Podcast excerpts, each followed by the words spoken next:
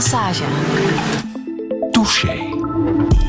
Touché vandaag met muzikant en theatermaker Jou Jawad Alul. Goedemorgen. Goedemorgen. En je bent helemaal fris en wakker, uh, waar ik een beetje bezorgd om was. Want gisteren en eergisteren en de hele voorbije week eigenlijk was het uh, bijzonder druk in Brussel wegens de Belgian Pride. En jij bent daar de posterboy van, de affiche, uh, het gezicht op de affiche. Was het een eer om daarvoor gevraagd te worden? Absoluut, absoluut. Ik vond het ja, ik denk dat mijn doel is een beetje om het narratief te veranderen. En door op een poster te staan met mijn identiteit is dat echt wel ben ik ingeslaagd, denk ik. Ja, en je hebt wel drukke dagen achter de rug, hè? Ja, het was een hele drukke week. Ik heb woensdag opgetreden in het Beurscafé, dan donderdag ook nog een optreden. Vrijdag had ik een presentatie voor het kabinet van Bianca de Baat met Equal Brussels in de Bossaar. En dan gisteren was dan de, de kick-off van de parade. Waar jij de presentatie hebt van gedaan en de parade uh, ja, hebt uh, laten starten. Hè? Je hebt een soort startschot gegeven. Absoluut, dat ja. was heel fijn. Voor honderdduizend mensen waren er gisteren. Ja, en het was goed weer. En als het weer mee is, dan, dan ja, is sowieso eigenlijk feest. En was de parade ook goed? Absoluut. Ik heb meegewandeld met een organisatie Extra Nostro, uh, die echt een nadruk leggen op LGBT, dus ook met een etnische achtergrond en ook zeker met een sub-Saharaanse achtergrond.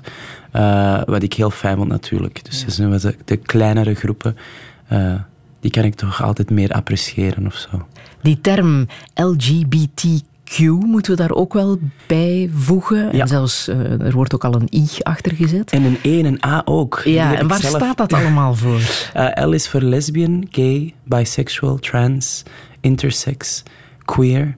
Uh, dus het zijn eigenlijk ja, allemaal zijstromingen, als het ware, van gewoon ja, de seksualiteit in, in generaal.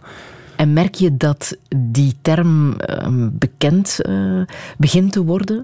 Ja, absoluut. Zeker. LGBT, de, de korte versie zal ik maar zeggen, is echt wel gewoon ja, een, een term die gewoon meer en meer gehoord wordt. Zeker op de scholen merk ik dat dat, dat echt wel gewoon al ja, gewoon lingo is, zoals gewoon een ander woord. Ja, en waar hoor jij het meeste bij? Waar gaat jouw gevoel het meeste naartoe? Goh, uh, ik ben heel fluïde.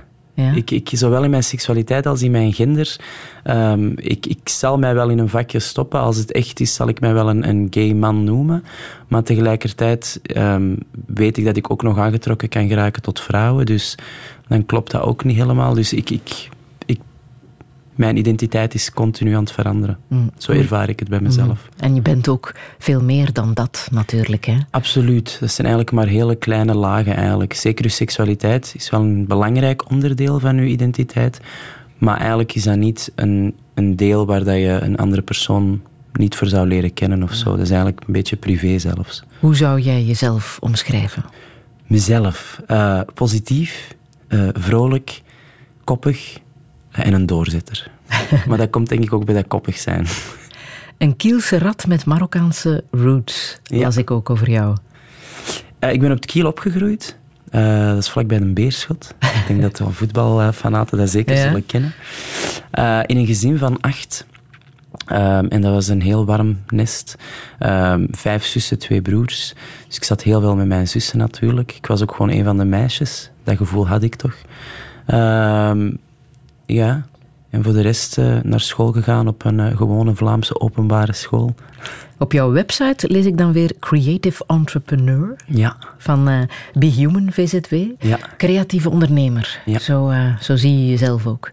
Ja, absoluut. Ben je ook, hè? Dank je wel, dank je. omdat ik naast mijn eigen projecten vind ik het ook gewoon belangrijk om, om gewoon andere projecten mee te ondersteunen. Samen met mijn collega Nira Hens. Wij hebben eigenlijk een VZ2 opgestart die eigenlijk uit is gekomen uit de monoloog die zij ook heeft gecoacht. Um, en ja, ik denk dat we allebei, zij ook natuurlijk met haar Rwandese roots, zij is uh, geadopteerd eigenlijk, komt uit Turnhout. Uh, wij verstaan heel goed hoe het is om gewoon tussen twee identiteiten eigenlijk beide heel goed te begrijpen en ook heel goed te kunnen fungeren tussen die twee eigenlijk. En die monoloog heet uh, Zeemeermin en daar ja. trek je mee naar uh, scholen. En om die reden ben je ook bij de koning en de koningin uitgenodigd. Hè? Ja, absoluut. Hoe was dat? Dat was fantastisch. ja, dat was... ja? ja, vooral omdat uh, wij hadden vroeger als kind een onkel in Brussel wonen. dus dikwijls met de auto passeerden wij het, het paleis. Um, en dat is echt een, een beeld dat mij als kind zodanig is gepasseerd, omdat dat, ja, die, die, die, die laan daar, ik weet de naam uh, ontschiet mij nu. Daar woont echt iemand in dat kasteel. Ja, en ik ben daar dan ook geweest en dat is echt uh, heel indrukwekkend. Ja? Um, niet stijf. Er, zijn natuurlijk, er is protocol natuurlijk. Uh, maar zij absoluut niet stijf. Want ze, ze vooral de koningin is uh, een heel sociaal iemand. Uh, ik denk dat de koning het moeilijker heeft om gewoon in gesprek te gaan. Want dat is ook niet evident natuurlijk, een gesprek voeren. Je moet ook gewoon mm -hmm. een beetje proactief zijn, denk ik. En waar en ging het gesprek met jou over? Bij mij vooral over mijn project Zemermin. En dat de koningin dat echt wel een heel interessant project vond. Omdat dat... ja, onderwerpen durfde aanraken en taboes gewoon durft bespreekbaar maken. Uh, wat gewoon in onze algemene maatschappij nog een groot probleem is. Ja. Uh, we, we houden graag dingen stil. En, mm, en, dat is jouw levensverhaal en daar zullen we het uh, in deze touché ook uitgebreid over hebben. Ja. Jawad Aloul, welkom in Touché. Radio 1. 1. Friedel Massage. Touché. Father, show me, for I have sinned. Mother, teach me,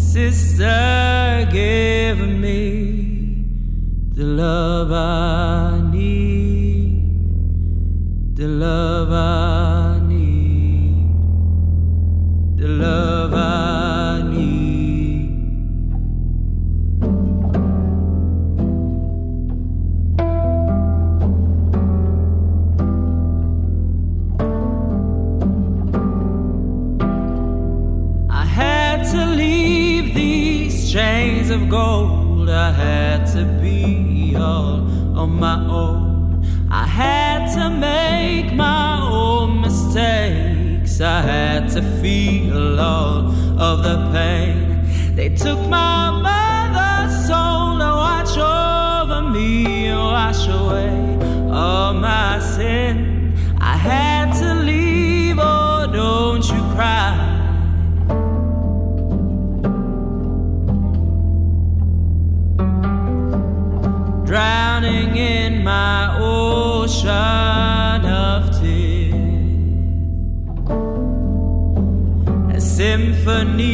Symphony of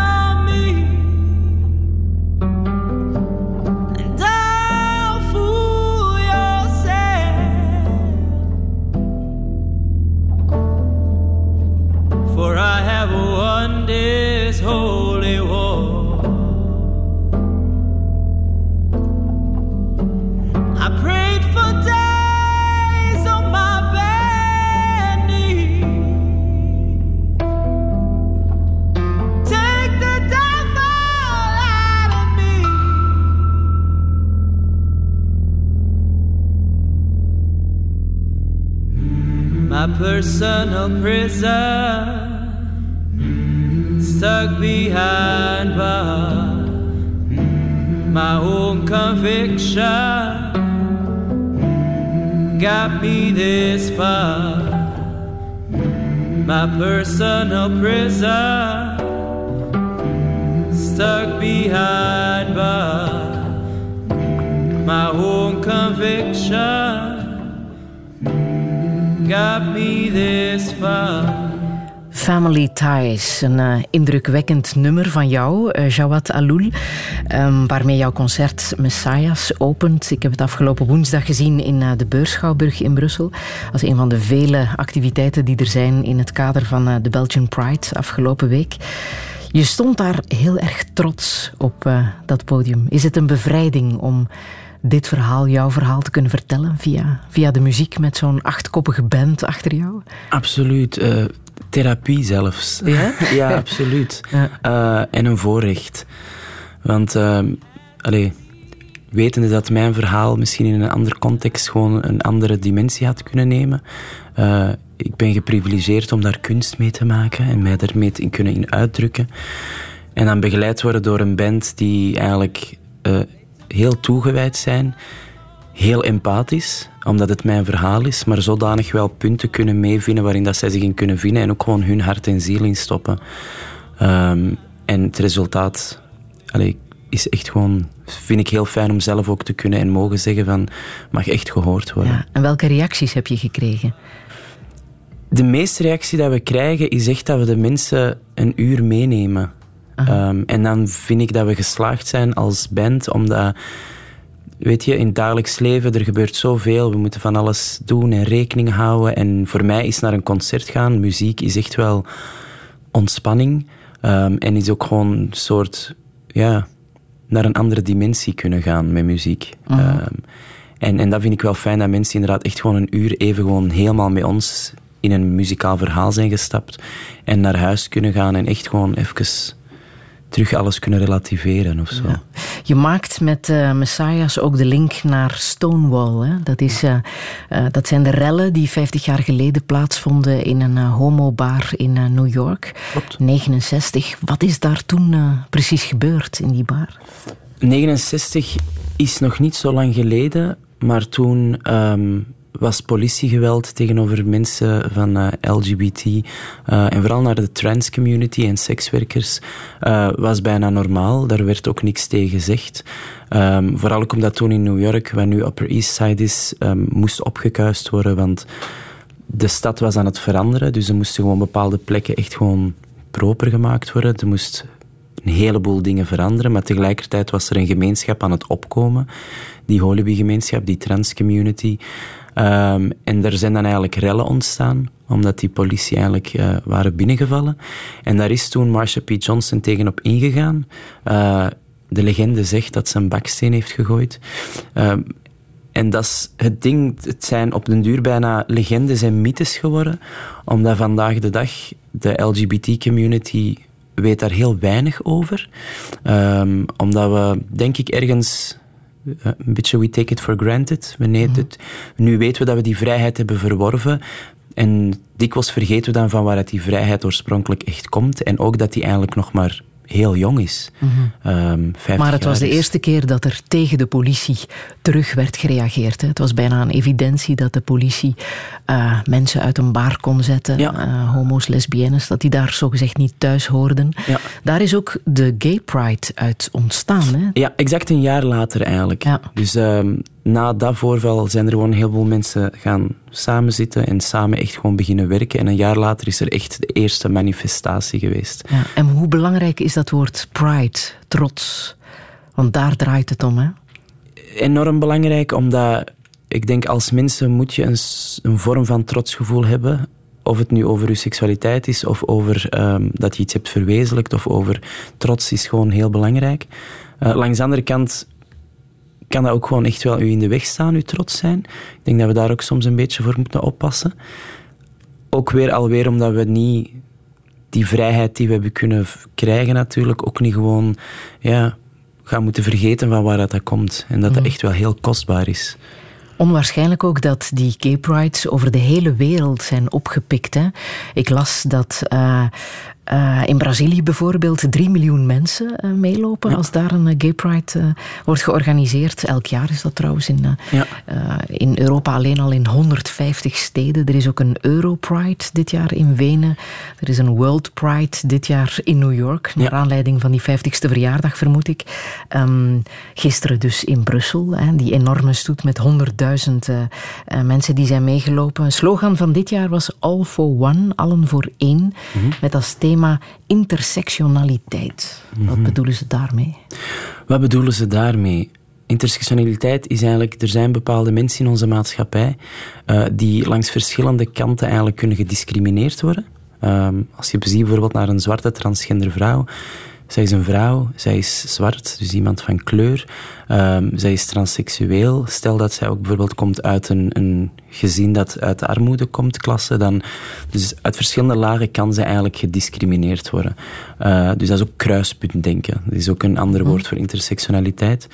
Uh, en dat was de focus dit jaar op, omdat dat echt nog... Ja, mensen zijn die extra aandacht nodig hebben. Um, en waar dat we nu ook echt wel zeker bijvoorbeeld in Antwerpen, met een minority-majority samenleving, er, er is een hele groot deel van de maatschappij die gewoon wel van hier is, maar nog altijd in de ogen precies niet van hier is. Terwijl het dat, dat begint allemaal heel vloed te worden of zo. En in hoeverre herken jij je in die intersectionaliteit? Ja, enorm. Omdat ik... Um, ik ben misschien wel een man, maar ik weet dat ik in de ogen van de maatschappij mij niet helemaal als een man zal gedragen. Um, het was zelfs, denk ik, Theo Franke zijn tweet vorig jaar dat uh, mannenlingerie, waar zijn die echte mannen toch naartoe? We eigenlijk al suggereert dat ik geen echte man ben, omdat ik lingerie draag op het podium. Dus, um, dus dat is heel raar om eigenlijk dat dan te horen. Um, dus ik, ik definieer mij niet 100% als man, maar dan zou wel moeten weten wat een man eigenlijk wil zeggen, wat dat inhoudt. Is dat gewoon het geslachtsdeel hebben van een man? Of komen daar bepaalde karakteristieken bij? Want is een man dan iemand die trots is en zelfzeker en, en stoer en een leider? Terwijl dat, dat ook allemaal dingen zijn die ook een vrouw kan zijn. Mm dus bij mij is het ook gewoon, ik zit ook op die verschillende kruispunten van natuurlijk Marokkaan te zijn, islamitische achtergrond, uh, Vlaams te zijn, want ik ben hier geboren. Dus ik mm -hmm. ben 100% Vlaming. Uh, ook gewoon wel uh, duidelijk LGBT te zijn. Dus dat is gewoon, je komt op verschillende kruispunten eigenlijk, die raken elkaar aan, waardoor dat je van verschillende kanten gediscrimineerd kan worden. Is er ook discriminatie tussen die verschillende groepen, zal ik ze maar noemen voor het, uh, voor het gemak, tussen lesbiennes, transgenders, absoluut, biseksuelen? Ja? Absoluut, ja. Als ik... Hoe ver gaat dat? Want het lijkt alsof jullie één club zijn die altijd goed Nee hoor. nee? nee? Nee. Ik, allez, ik, ik wil niemand tegen de borst stoten, maar moesten we het gevoel van de Pride heel het jaar door kunnen vasthouden, dat zou echt gewoon prachtig zijn. Want ook daar durft het wel eens wringen? Natuurlijk, omdat vanaf dat we inderdaad weer iets in vakjes gaan stoppen, dus we hebben heel die holibi-gemeenschap, maar opeens in die holibi-gemeenschap heb je de homo's en dan heb je de lesbiennes en dan de biseksuelen. En dan, dus je onderverdeelt dat allemaal nog eens. En natuurlijk is er onderling, zal er, er zijn altijd mensen die gewoon problemen hebben met andere mensen, denk ik. Oh. En, en ik denk dat dat ook is omdat seksualiteit is een deel van onze identiteit, soms een groot deel. Dus als ik mij enkel identificeer met mijn homoseksualiteit en jij bent een vrouw die lesbisch bent, voor sommige mannen is dat gewoon heel moeilijk om dat denk ik te begrijpen of zo. Dus er is onderling, er is ook heel veel, vooral naar trans mensen, is er ook heel veel onbegrip, merk ik in onze gemeenschap, wat ik heel jammer vind. Uh, ik ben 33, maar als ik 13 jaar geleden in de homogemeenschap in Antwerpen uitging, kreeg ik ervaarde ik enorm veel racisme.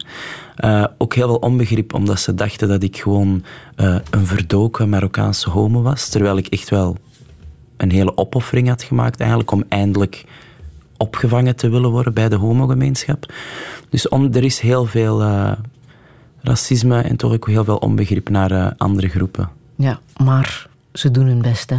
Gisteren kleurde Brussel helemaal regenboog op de toren van de VRT. Heel veel bedrijven um, tonen ook dat uh, jullie heel erg genegen zijn. Ja. Maar het blijft nog altijd wij, zij, hè?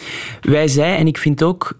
Vorige week was bijvoorbeeld in Gent uh, ook de eerste Pride. Het was een queer Pride. Uh, en wat ik daar heel mooi aan vond, is omdat dat, dat is een grassroots initiatief. Zij willen niets met politiek te maken hebben omdat we zien nu natuurlijk die Pride die zo groot is geworden en zo mooi. En dat is allemaal positief, want dat hoort ook bij ons mens zijn. Laat ons alles in massa gaan doen.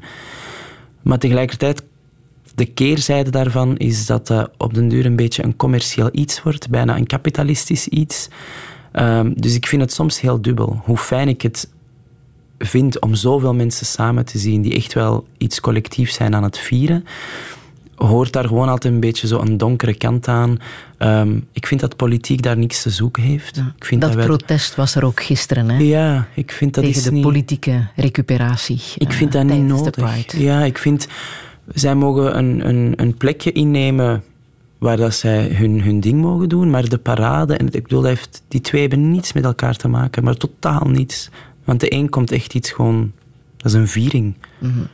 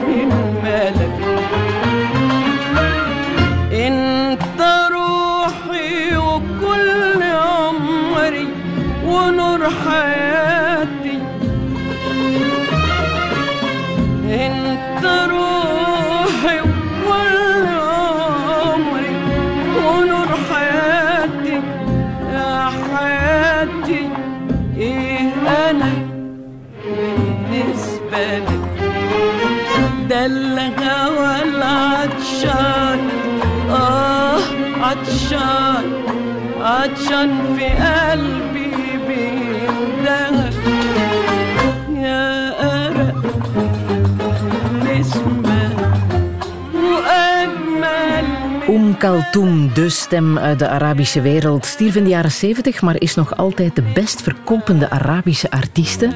Jawad Aloul, uh, het is muziek die jij ook uh, kent, hè? Ja. Je mee opgegroeid? Ja, ons moeder was, uh, luisterde daar heel graag naartoe. Ja. Ehm, ik heb ons mama ook verloren toen ik 15 jaar was. en dat is voor mij een manier om, om die eigenlijk op, op een, een, vanaf dat ik op play doe, die onmiddellijk bij mij te hebben. Mhm. Eh, en, en dan kook ik dikwijls ook als ik Omkultum opzet. Dikwijls omdat dat ook nummers van 40 minuten zijn. Ja, ja, ja. dus dat is een mooie tijdspanne om, om uh, het volledige uh, voorbereidend werk te doen voor als ik diners geef. Wat voor iemand was jouw moeder? Mijn moeder was een heel warm iemand. ook wel recht voor de raap. Die zou echt wel opkomen tegen onrecht. Um, ook soms wel mensen gewoon wijzen op hun, uh, op hun fouten of zo. Um, ja, een vrouw met ballen. Mm -hmm. Zeker en vast. Had je het gevoel dat ze jou kende? Um, ja. Dat ze jou doorhad? Ja, absoluut. Ja? Ze wist echt wel dat ik uh, veel te gevoelig was mm -hmm. voor een, een wereld die eigenlijk mij continu langs alle kanten was aan het vertellen dat ik niet goed genoeg was. Uh, ik was te veel als een meisje en ik was uh, te flauw. En, dus, en, en daar had ze soms op haar manier ook wel last mee natuurlijk, omdat ze niet wilde dat ik zoveel um, ja, afzag ergens. Mm -hmm. uh, maar tegelijkertijd wou ze dat oplossen door net ook mij ook sterker te maken en minder flauw. Maar tegelijkertijd werkt dat ook heel averechts. Maar langs de andere kant heeft dat nu wel zijn, zijn vruchten afgeworpen. Ja, en je was de jongste van acht. Hoe ehm, was de band met jouw broers en zussen? Ja, ik denk als jongste word je onderschat.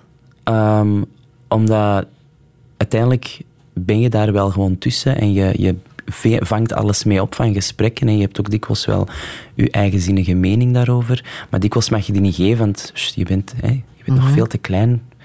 Maar eigenlijk pak je wel alles mee op van gesprekken en hoe dat dingen misschien beter zouden kunnen zijn.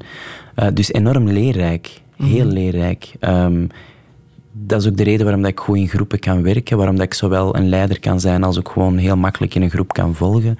Qua communicatie ook. Dat, je wordt er een rijker persoon van door met veel kinderen op te groeien.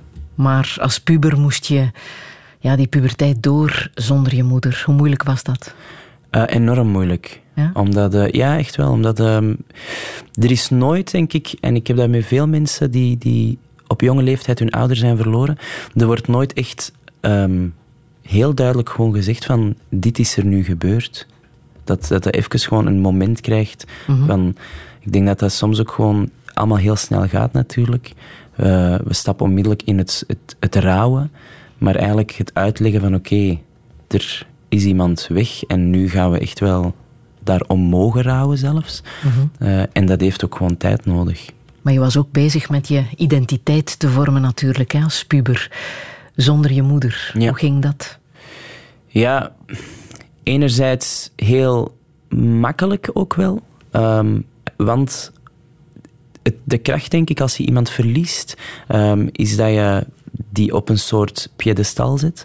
Uh, die persoon is opeens ja, die krijgt een soort heldenstatus zelfs. En bij ons moeder was het zeker, die was echt opeens een soort heldin. Ook omdat hij op jonge leeftijd was gestorven. Dus heel veel mensen hadden opeens zoiets van, wat een geweldige vrouw die ons is heen gegaan. Mhm. Ehm, dus ik heb eigenlijk voor heel lange tijd al haar goede eigenschappen, want uiteraard had ze ook slechte eigenschappen, maar al haar goede eigenschappen eigenlijk zo uitvergroot en die ook gewoon beginnen een beetje internaliseren. Um, en, en dat werkte wel voor mij of zo. Uh, Wist je wat je wou worden? Toen? Mhm. Stiekem wel. Uh, maar ik denk dat ik uit gemak zoiets had van... Uit gemak van, ik zal een beroep nemen, kiezen, dat gewoon makkelijker even nu is te combineren met mijn ingewikkelde identiteit. En dat was bakker. Uh, dat ben ik ook geworden, heb ik ook een mooie carrière in gehad. Um, maar ik wist toen al van, ja, ik wil gewoon op een podium staan en ik wil gewoon zelf dingen creëren en spelen. En, en wat was die mooie carrière als bakker? Ik heb, uh, op mijn 18 ben ik afgestudeerd als patissier chocolatier. En dan ben ik een jaar in Parijs gaan werken. En dan teruggekomen. En dan ben ik bij Del Rey begonnen. Dat is eigenlijk uh, chocolatier in Antwerpen. Um, en daar heb ik vier jaar gewerkt, denk ik. En dan daarna nog als verkoper eigenlijk in een, in een zaak die echt gespecialiseerd was voor chocolatiers. En dat jaar in Parijs? Hoe belangrijk is dat voor jouw identiteit geweest? Hey, dat is mijn keerpunt geweest. Ja? Ja, absoluut. Wat is daar gebeurd? Ik heb vooral heel veel gesprekken gehad.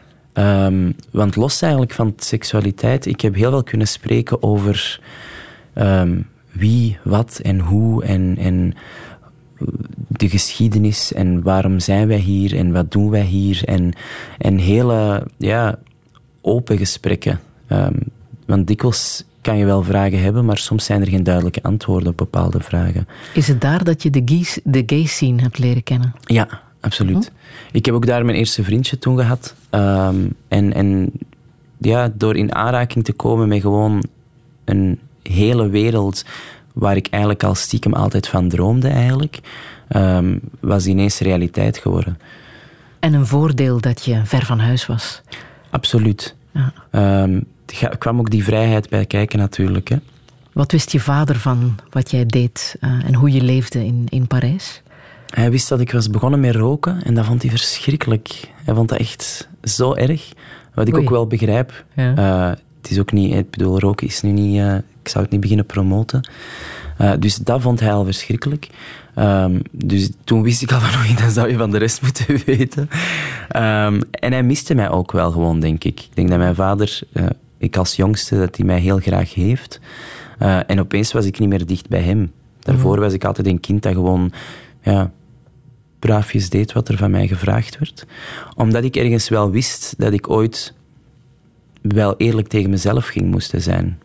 Dat is ondertussen ook wel gebeurd, natuurlijk. Ja. Maar wanneer ben je eerlijk tegen je vader geweest? Hoe lang heeft dat geduurd? Dat ik het zelf heb gezegd, echt pas op mijn 29ste. Omdat ik thuis ben vertrokken zonder hem het echt te zeggen dat ik uh, homoseksueel ben. Uh, dus pas op mijn 29ste heb ik eigenlijk echt tegen hem gezegd van ja, dit is hoe echt de vork in de steel zit. En waarom heeft het zo lang geduurd, denk je? Ja, ik denk omdat in het begin um, ben ik te impulsief geweest en ben ik thuis vertrokken. En tijd is iets heel raar. Kan heel snel gaan bijvoorbeeld. En, en die negen jaar is echt voorbij gevlogen.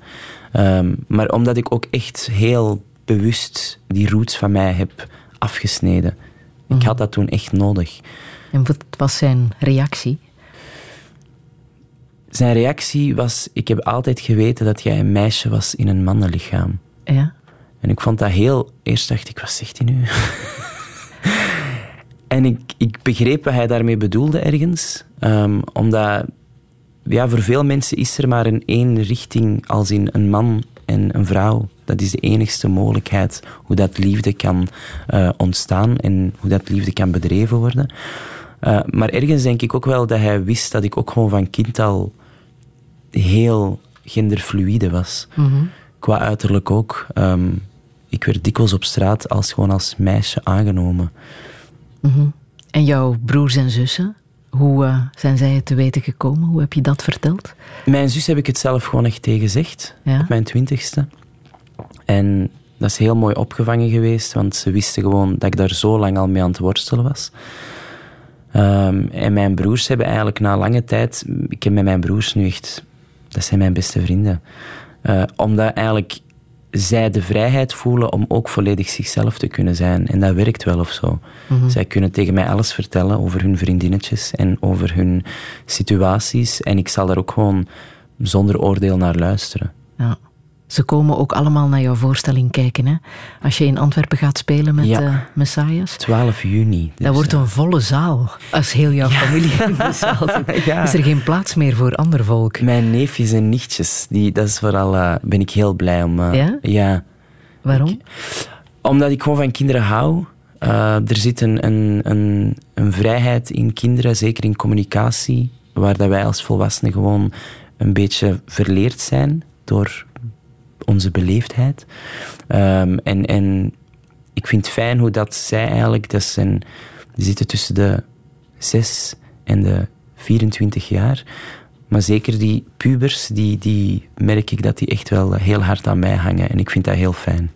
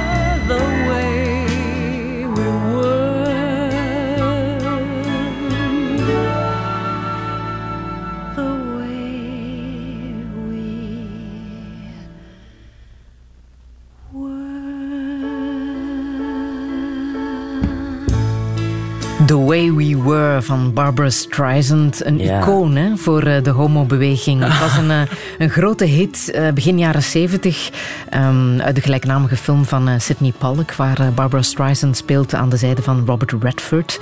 Eh, Jawad Alul Varan doet dit nummer jou denken. Wat gebeurt er met jou als je dit hoort? Oh, ik heb heel veel tranen gelaten op dit nummer. echt? Ja, omdat ehm, ik ben getrouwd geweest en op mijn 25ste ehm, wilde mijn man scheiden. Eh, wat eigenlijk niet helemaal als een verrassing kwam, eh, omdat ons huwelijk echt gewoon niet goed zat. Eh, maar tegelijkertijd ook weer wel, want twee weken daarvoor had hij een verrassingsfeestje voor mijn 25ste verjaardag gegeven. Dus ik dacht ergens, ah ja, het komt wel goed met ons of zo. Ja. Ehm, en meer ook nog, ja, we hadden net een, een huis samengekocht. ehm, maar hij had onmiddellijk een nieuwe vriend. Waardoor dat ik gewoon niet meer in het appartement kon blijven. Ik ben toen bij een goede vriend, Jan, gaan kunnen intrekken, alle geluk. Die heeft mij echt opgevangen als een moeder. Ehm, en die was hele grote Barbara Streisand fan. Ehm, en dan hebben wij echt Barbara Streisand gewoon op repeat gespeeld. Eh, en opeens op een avond zette hij dit nummer op. En ik denk dat ik mij toen voor weken zo lang sterk had gehouden. Want bij scheiding komt zoveel bij kijken. En een notaris en een advocaat. En verdelen en al die toestanden. Ehm, dus ik had mij altijd sterk gehouden. En ik had zoiets van, oké, ik moet hier even door. En dat nummer begon en dat was voor mij gewoon een therapeutisch moment. Dus eh, als Jan is aan het luisteren, dank je wel daarvoor. De liefde, heb je dat moeten leren? Absoluut. Amai. Ja, vooral voor mezelf. Hoezo? Nu- ja, omdat... ehm, voor mij is mijn genderfluiditeit zo natuurlijk. Ik, ik, ehm, ik, ik ben gewoon ergens zowel een man als een vrouw. Ehm, maar als kind, vijf jaar aan een stuk, elke dag horen dat je als een meisje bent, dat eigenlijk wie je bent niet goed is, niet klopt, niet mag zijn, ehm, haalt gewoon je zelfwaarde naar beneden. Als er dan ook nog eens bij komt kijken, seksualiteit bijvoorbeeld, eh, in, een, in een maatschappij waarin dat dan nog altijd niet als norm wordt gezien, homoseksualiteit, het blijft nog altijd voor de grootste deel van de mensen een, een rariteit of zo. We weten dat het er is, we aanvaarden het wel, maar het blijft nog helemaal niet. eh, het, vers- het wordt nog niet helemaal verstaan of zo door de, het grote publiek. Ehm, dus dat zijn allemaal elementen waardoor je denkt dat je gewoon niet, ja, niet genoeg bent. Ehm, Je hebt een tijdje als drag queen Ja, gewerkt ook. Hè? Was dat een manier voor jou om toch te mogen in vrouwenkleren op een podium te staan en je goed te voelen? Ja? ja. En daar ook extreem in, in, in overdrijven zelfs. Ja? Ja, Hoe op- zag je er toen uit? prachtig. Dat geloof ik graag. In het begin niet. Nee? mijn eerste jaar zag ik er afschuwelijk uit. Maar omdat ehm, ja, je doet je eigen make-up en, en je maakt je eigen kostuumpjes en allemaal Maar heel hoe leuk. ver ging je daarin? Met haartooien, nagellak en kleren en hoge hakken? Eh, Ik heb ooit voor een wedstrijd mijn baard geëpileerd. Echt? Met een pincet. Haartje voor haartje. Ehm, dat was zo pijnlijk. En ik kan mij, nu zou ik me zelfs niet inbeelden dat ik dat terug zou doen. Eh, maar die toewijding was toen zo groot, omdat die drag-gemeenschap in Antwerpen is helemaal niet zo groot, maar die was toen heel duidelijk wie de grote spelers waren in dat vak. Eh, en opeens kwam ik daar dan als eh, Marokkaanse drag queen eh, ook mijn strepen daar verdienen. Ehm, en ik heb dat ook gedaan, omdat ik gewoon wel veel tegenwind ook kreeg. Ehm, en dat werkt wel of zo voor mij, denk ik. Dat gaf mij net voeding om, om echt gewoon wel ja, de dingen te doen dat ik wilde doen. En dat was vooral bijvoorbeeld Studio 54. Dat was een, een, een feestje in Antwerpen. Die hadden ook een editie in het Sportpaleis één keer per jaar. En dat was voor mij gewoon zo, dat is de missie. Daar moet ik geraken. Want nu bijvoorbeeld draag je oorbellen, ringen, eh, je hebt een prachtig kapsel. Dank je wel. Nu heb je het, denk ik, veel minder moeilijk om eh, in je dagelijkse leven te zijn wie je bent en oorbellen te dragen en ringen aan te doen. Was, eh, is daar ook een kantelpunt geweest? Het moment dat je het gevoel had, ik doe dat gewoon. Ik denk ook door die drag. Mhm. Heeft dat Eh, geholpen? Dat heeft geholpen, maar ook pas later of zo. Want ik heb met drag gestopt toen ik 28 was. En waarom? waarom ben je daarmee gestopt? Omdat ik daar... Dat alter ego nam op den duur mij over. Ik had een alter ego gemaakt dat zo zelfzeker was en zo veel kracht en... en ehm, Dat was ja. Mira Mirage. Ja, inderdaad. Ja. En ik had een tweede ook, Irma Ravage. Ja, omdat ik ben een ondernemer, Friedel. Ja? Ehm, en de ene was gewoon een heel sensuele seksbom en de andere was gewoon ja, een, een meer een, een extraverte club queen. Ehm, en omdat ik gewoon ook daardoor meer jobs kon krijgen. Enerzijds kon ik mikken op gewoon een hostess zijn en feesten aan elkaar praten en optreden. En de andere was dan echt gewoon in meer de scene, echt gewoon ja, het feest op gang houden.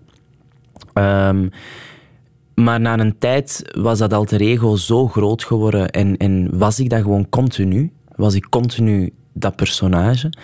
eh, dat ik eigenlijk niet echt goed wist, maar wie, wie ben ik dan eigenlijk? Ehm, en dan ben ik mijn mannelijke identiteit heel hard gaan beginnen ontdekken. Ben ik ook tattoos beginnen zetten, omdat ik gewoon als kind tattoos al gewoon mega fascinerend vond. Heel veel tattoos, hè? Ja, en, en Hebben ze een betekenis? Absoluut, absoluut. Ik heb... ehm, ze zijn altijd...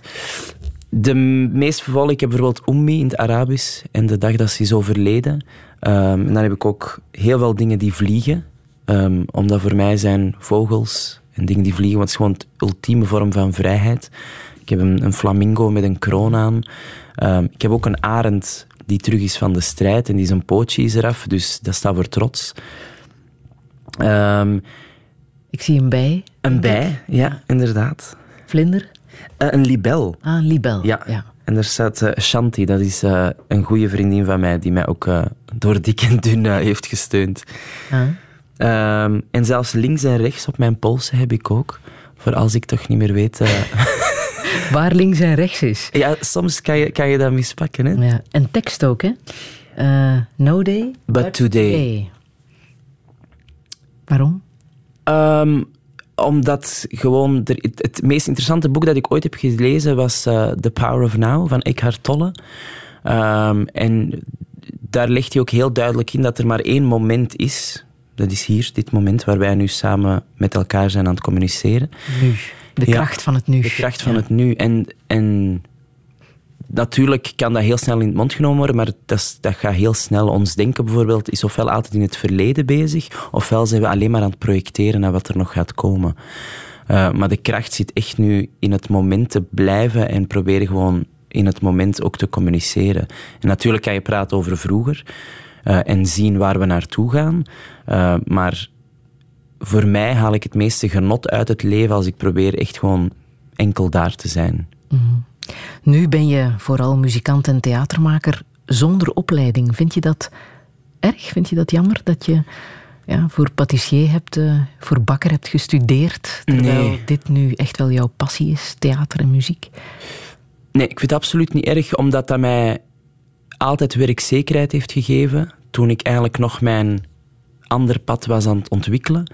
En terwijl dat ik dat pad was aan het ontwikkelen, ben ik echt gezegend geweest om te werken met mensen als bijvoorbeeld een Alex Callier met The Voice. Ik bedoel, ik heb daar echt zes tot negen maanden mee gewerkt. Iemand die zo... Zat in de halve finale, hè? Ja. Ja. Ik bedoel, iemand die op zo'n professioneel niveau werkt, mag je daar dan gewoon mee eigenlijk gewoon u mee op afwrijven.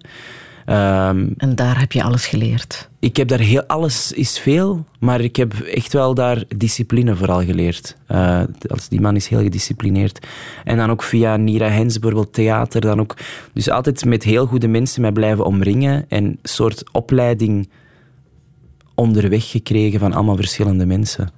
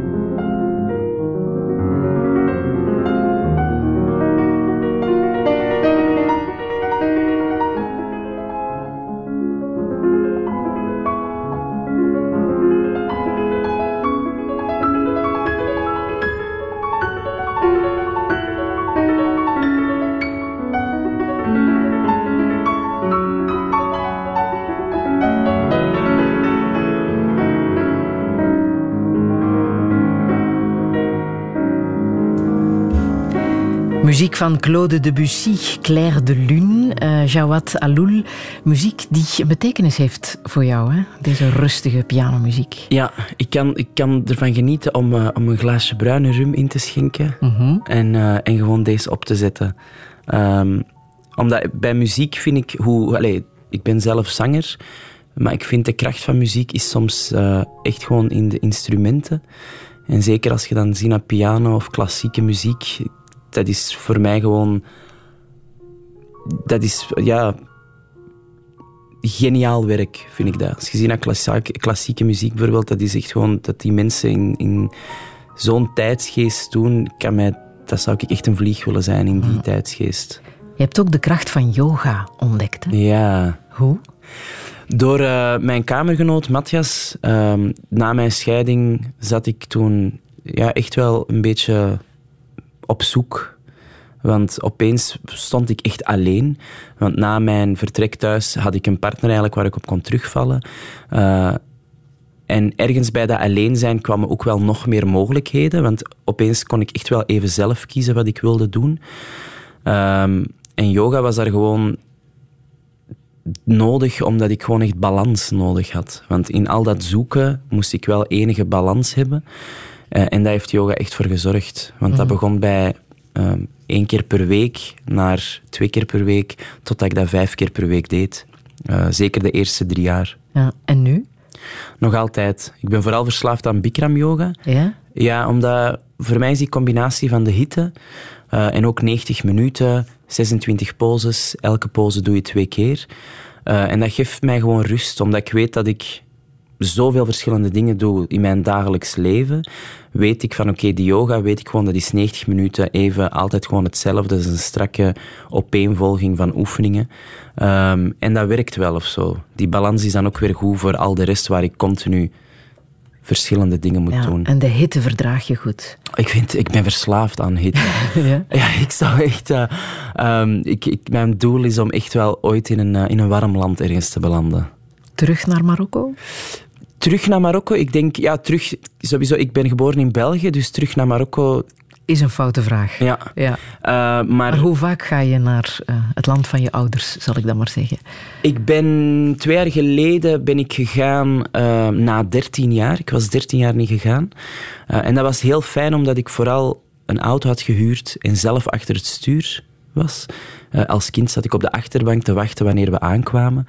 Dus nu was het echt gewoon, had ik gewoon, ja, was ik volwassen en was ik aan het rijden door echt gewoon een prachtig land. Eh, Marokko is zo divers. Dat, is, dat, dat, dat weten wij eigenlijk hier in Vlaanderen veel te weinig over, over die Marokkaanse cultuur. Die is echt zo uitgestrekt. Het is een land van noord tot zuid, dat is gewoon ja, onnoemelijk veel cultuur. Ja.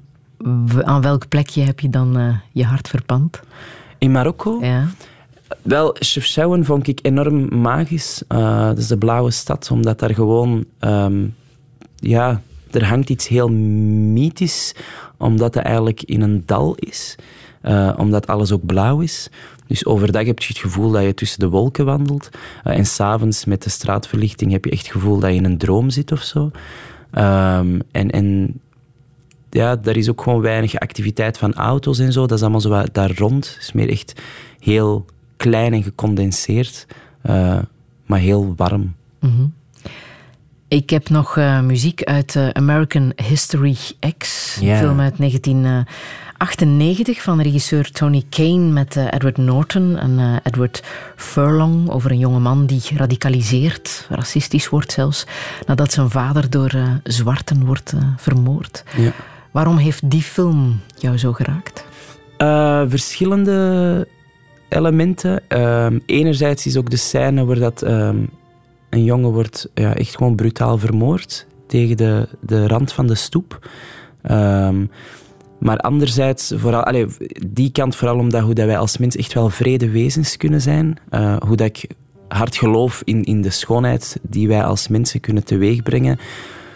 Zijn er toch jammer genoeg sommigen onder ons die ook echt gewoon het, het ja, de meest ergste dingen kunnen doen.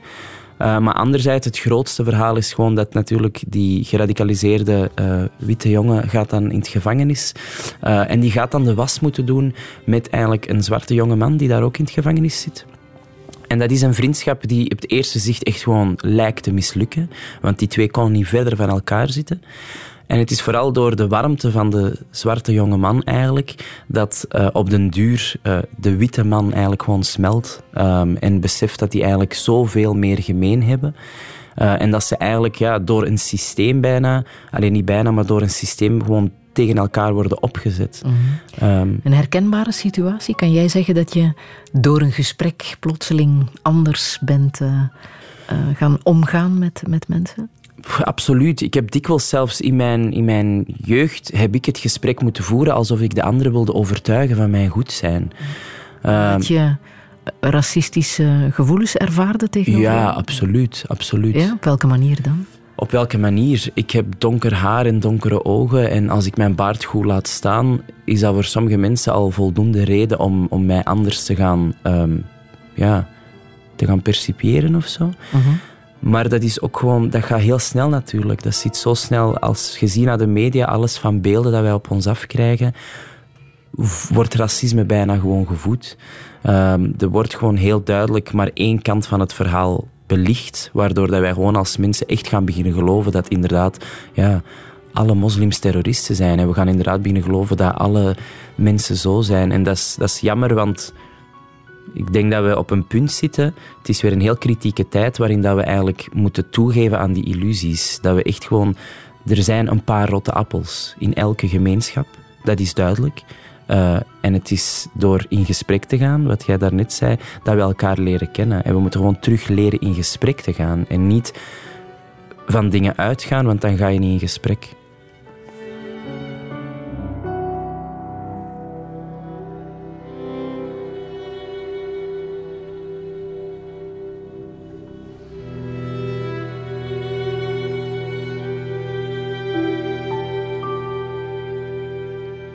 Die prachtige muziek uit American History X van uh, Tony Kay.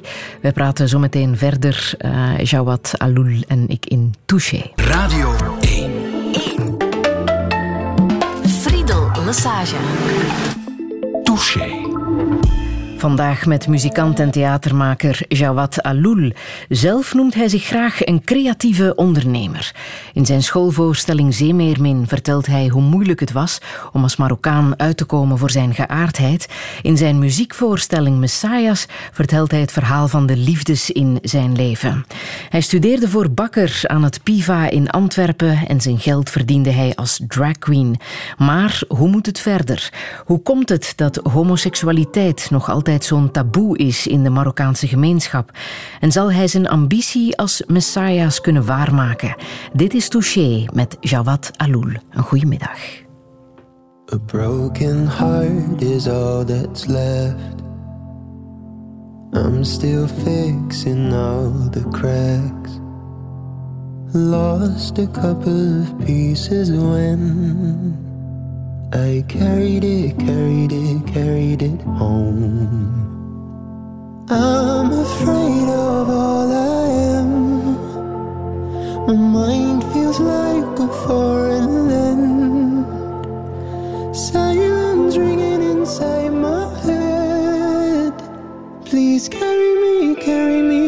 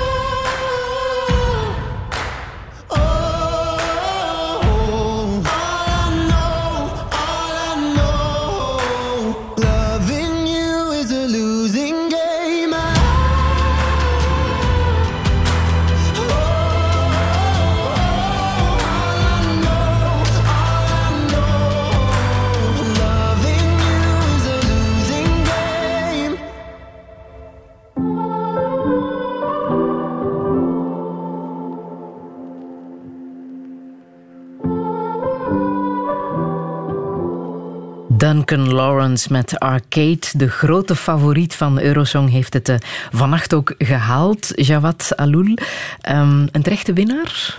Wel, ik vind van wel. Ik heb helemaal niks meegekregen dit jaar, omdat ik zelf zo druk bezig was. Nochtans, Eurosong. gisteren was het heel erg eh, kalm, gisteravond in Brussel. Ik denk dat iedereen van de Gay Pride voor televisie zat om naar Eurosong te kijken. Absoluut. Moet een geweldig feest zijn geweest. eh. Maar Eurosong is een beetje zo het WK van, van de Holibi-gemeenschap. hè. Hoe komt dat eigenlijk? Dat dat het zo populair is bij de gay scene? Ach, ik denk omdat de, de nodige combinatie van kitsch en toch cultuur en toch eh, soms absurditeit ehm, en ook gewoon ja, feest. En, en ja, ik denk gewoon, er zijn echt bepaalde elementen in. Het show-element, Absoluut, de absoluut. kleren, de schmink, de kapsels. Ja, en ik denk dat dat er allemaal bij is gekomen. Want op een bepaald moment weet ik wel dat het echt wel... ging het voor mij gewoon een beetje de foute kant op. Eh, want dan werd het op de duur een beetje circus. En ook de kwaliteit van de nummers begon een beetje te zakken, vond ik. Eh, Wat vind je van dit nummer? En wel, ik vind dat het terug de goede kant is op aan het gaan. Ik vind vanaf dat Portugal, denk ik, drie jaar of twee jaar geleden heeft gewonnen, eh, met ook een heel simplistisch nummer. En dat was ook in het Portugees, dus dat was ook gewoon terug... Het draaide terug om de muziek. En dat vind ik hier ook wel aan dit nummer. Het is echt wel... Het nummer heeft gewonnen. En, en we hebben sommige jaren gehad waarin dat gewoon de flamboyantie of gewoon de, de, de, al de, de versiering daar rond mee ervoor had gezorgd. En Ja. hier was ik blij dat het echt wel... En alle elementen zitten erin om een Eurosong winnend nummer te zijn. Hè. Ik bedoel, het is een mooie power ballad en op het einde gaat er nog eens goede hoogte in gegaan. Dus, eh, Dat is waar de Holibi-gemeenschap van houdt. Hè? Want dat zeggen ze ook. Hè? De Holibi-gemeenschap heeft een goede smaak voor slechte muziek. Word je dan kwaad? Maar ik vind dat zo... Sowieso, het woord gemeenschap krijg ik soms rillingen van, want... Als ik bij alle gemeenschappen hoor waar ik zogezegd bij hoor, dan heb ik een hele drukke agenda, want dan kom ik vrijdag met alle moslims samen en zaterdag met alle holibis samen en zondag... Het, allee, ik vind soms zo iets gaan generaliseren dat de holibi-gemeenschap dat vindt. Want ik ken een heleboel holibis die totaal, totaal niks met het Eurosong willen te maken hebben zelfs. maar toch, er gebeurt veel dat te maken heeft met seksualiteit, met genderproblematiek. Absoluut. Netta, de winnares van vorig jaar, eh, met haar nummer Toy, was een duidelijke genderboodschap. Ja, alleen ik denk dat dat ook de reden is waarom ik dit jaar een beetje het Eurosong heb laten passeren, doordat het in Israël werd eh, Ja? gehouden. Ja, omdat is echt, het is, we hebben een toppunt van hypocrisie gehaald, vond ik toch wel. Ehm, en dan vond ik weet initiatieven als in Ierland, eh, Palestine Eurovision, een beetje als, als tegenreactie. Ehm, omdat, ja, de wereld staat te kijken eigenlijk op een evenement ehm, wat samenhorigheid eh, moet uitdragen en wat gewoon echt wel verbinding moet uitdragen, wetende dat nog geen 100 kilometer verder er gewoon mensen zijn aan het sterven. En mensen echt gewoon aan hun lot worden overgehouden en zelfs mee hun lot worden bepaald door die gewoon in de meest erbarmelijke omstandigheden te, te, te steken. Ehm, en, en voor mij was dit jaar het Eurosong en voor velen echt wel een, een beetje toch wel een bittere pil. Ja, er is behoorlijk wat eh, protest Ja, ook absoluut. voor geweest. Hè. Eh, maar die twee dingen werden gescheiden. Het politieke verhaal en het eh, echte media-Eurosong-verhaal Ja. zijn twee verschillende platformen. Ja, en volgend jaar is het in Nederland. Dus lekker dichtbij. Ga je er naartoe? Wie weet doe ik mee, Friedel. Wie weet doe dat ik is mee. ook een mogelijkheid natuurlijk. Hè. Hoewel de Belgische inzending is niet ver geraakt. Nee, maar ja, dat wil niet zeggen dat de vorige niet ver geraakt is. Eh iedere persoon is een andere persoon. En eh 2020, wie weet. Nu, dat was het grote nieuws vannacht. Hè. De winnaar van het Eurosongfestival. Gisteren was er ook nieuws dat jou heeft geraakt. Want toen heeft eh, Sarah Bettes belangrijk nieuws gemeld. Hè. Dat ging op eh, Studio Brussel zo. Mijn nieuwe naam wordt eh, Sam. Aangenaam. Sam Bettes. Zalig, Sam. Ik zou met iedereen gepraat hebben. Nog het liefst iemand die dan voor mij kon antwoorden of dat ik transgender ben of niet. Waarom ben ik kleedjes beginnen dragen op een bepaald moment? Waarom ben ik uh, push-up bras gaan kopen in Victoria's Secret om toch niet Sir genoemd te worden? Ik heb zo al maanden visioenen van s morgens op te staan in mijn shortje, zonder een t-shirt en zo gewoon zo door het huis te lopen. Ik heb er vertrouwen in dat ik ga kunnen blijven zingen, maar mijn stem zal sowieso anders klinken. Touché. Muzikante Sarah Bettes wordt Sam Bettes. Jij hebt het eh, artikel in de krant zien verschijnen. Dit interview is ook op eh, de website van Studio Brussel te zien. Linne Merkpoel is ermee gaan praten. Hoe kwam het bij jou binnen? Ehm, ja, ik werd er emotioneel van, omdat ik dat gewoon heel mooi vind dat, dat hij de kracht heeft om, om er nu gewoon eigenlijk voor naar buiten te komen. Eh, en echt voor ja, zichzelf volledig kan zijn. Want die heeft al een heel leven achter zich. Ehm, en nu kan die eigenlijk echt een volle leven. Ah, en kan hij, hè, want dit Ja. is nu Sam Bettes, dat vertellen aan een krant en aan een radiostation? Absoluut. Wat absoluut ook niet overal een vanzelfsprekendheid is. Ehm, en ook, dat is gewoon... Weet je, mensen zijn op hun mooiste als ze zichzelf mogen zijn. Ehm, en als je gewoon... Ik denk dat hij ook zei dat hem het niet meer aankon dat mensen hem sir noemden. Dat is iets dat ik ook weet vroeger als kind, dat mensen altijd echt van, dat ik een meisje was. Of aan de telefoon ook, dankjewel mevrouw. Dat ik dacht, ja, het is wel meneer. Ehm, dus die, die tweestrijd kan ik mij volledig inbeelden hoe dat hij zich moet gevoeld hebben al die jaren eigenlijk.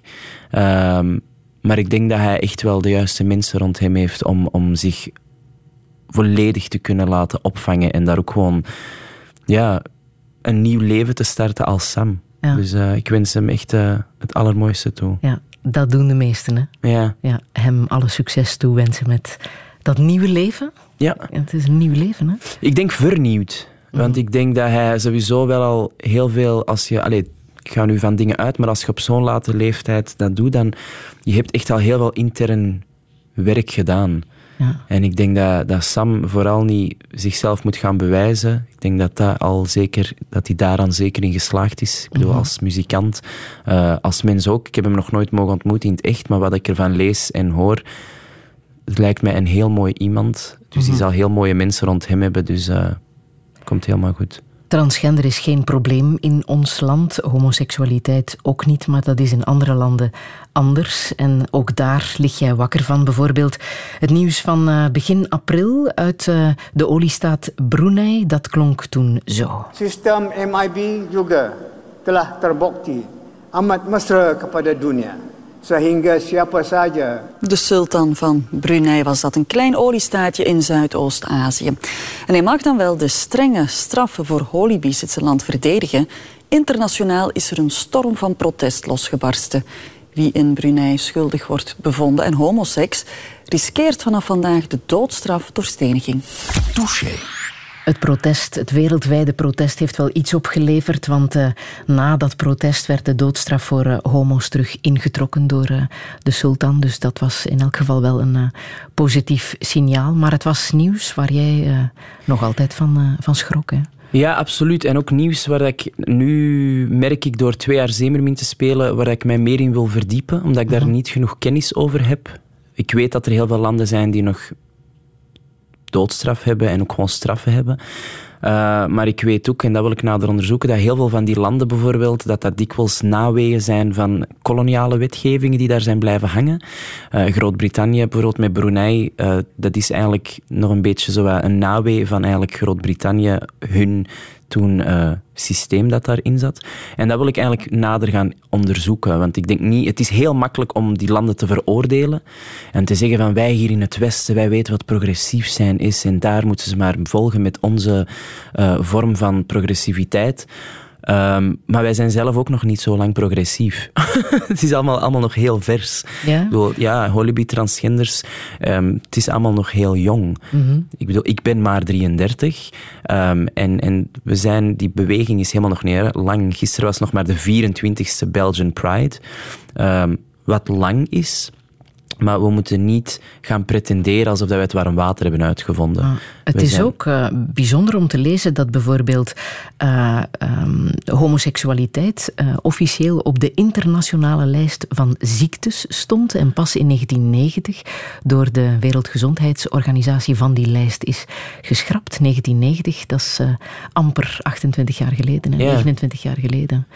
Ja, wel, en het is dat net dat ik, dat ik bedoel. Dat is gewoon, wij zijn echt nog maar net uh, ja, zelf in de kinderschoenen van. Uh, en dan moeten we daar ook gewoon, ik denk anderen één ook de tijd voor laten nemen. Maar tegelijkertijd vind ik het heel goed dat er wel gewoon in verband met Brunei daar wel gewoon ja, internationaal wel gewoon ophef is ontstaan. En dat zouden we om meer onderwerpen moeten doen. Ik bedoel, ik denk dat we vandaag de dag echt wel nog te weinig onze stem laten horen. Ik denk dat er te veel mensen hun stem laten horen die eigenlijk ja, daar niet helemaal in staat toe zijn. Jorole kwanonika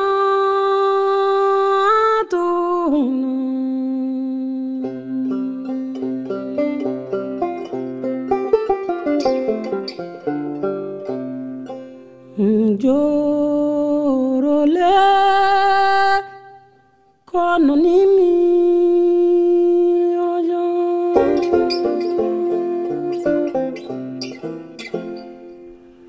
Njorole kono ningan.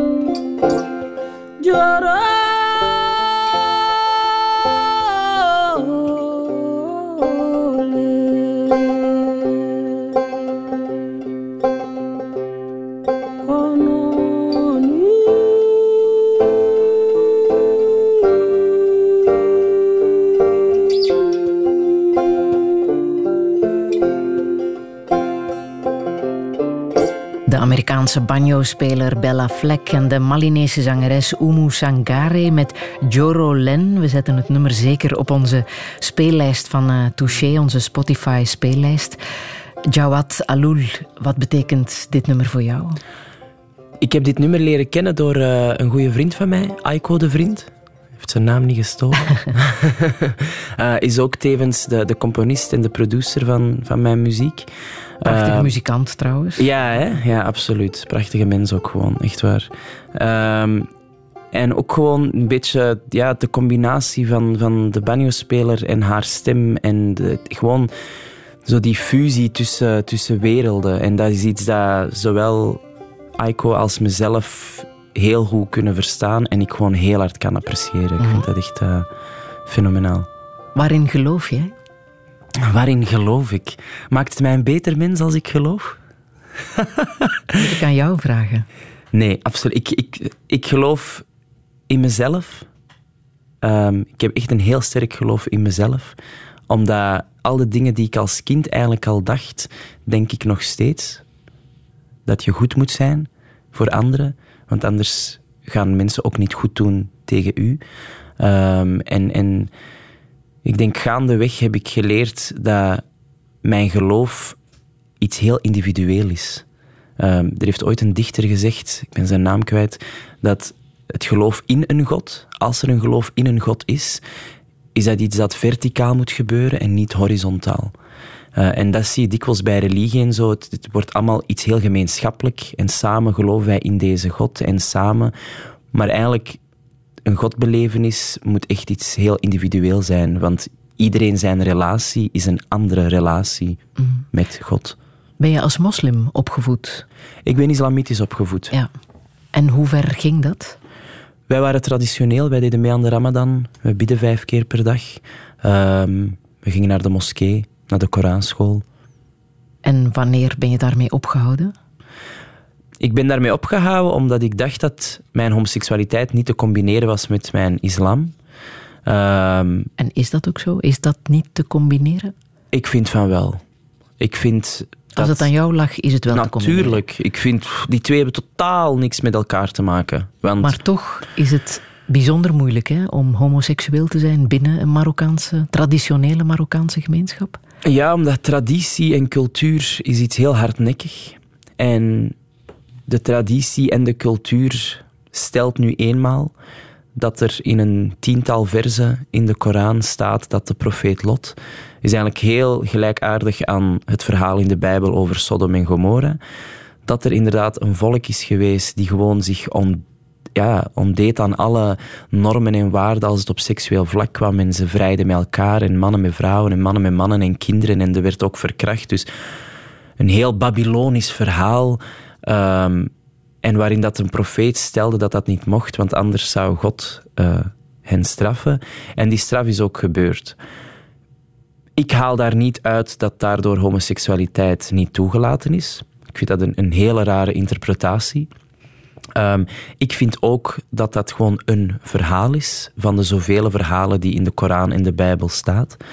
Ik weet gewoon dat momenteel zijn er heel veel jongeren die inderdaad homoseksueel zijn, of lesbisch, of trans, en niet de kracht hebben om eigenlijk zichzelf te zijn. En doordat er heel hard wordt gezegd van ja, nee, de twee kunnen niet combineren, gaan heel veel jongeren dan oké, dan ga ik één van de twee moeten kiezen. Net zoals ik ook heb gedaan. Terwijl dat eigenlijk is die keuze niet nodig. Ehm, je kan perfect islamitisch en homoseksueel zijn. Er bestaat zelfs in Parijs een imam die homoseksueel is, die ook een moskee heeft in Parijs en Marseille. Eh, een inclusieve moskee waar dat iedereen welkom is. Dus het is mogelijk. En dat is wel iets waar dat we wel naar moeten streven. Maar dat is ook iets dat nog steeds bij Joden bijvoorbeeld, bij katholieken, er hangt nog steeds altijd een, een vorm van. Nee, want dat is niet natuurlijk. Dat is een, een keuze, dat is een beproeving die je eigenlijk ja, hebt mis, mis, eh, misbegrepen of zo. Ben je dan op zoek gegaan naar een alternatief voor eh, eh, de islam? Nee. Ik heb toen echt wel even. Ik had gewoon heel. Ik had het gehad met God. Ehm, Ja? Ja, omdat mijn moeder was gestorven, dus ik had helemaal zoiets van, ja, wat voor een God bestaat er nu als hij mijn moeder afneemt, omdat je gewoon heel boos bent ook op dat moment. Ehm, en dat werd dan erger, omdat ja, ik duidelijker wel en zekerder werd over mijn seksualiteit. Dus ik had helemaal zoiets van, wat voor een God geeft mij nu een seksualiteit die ik niet mag uitoefenen.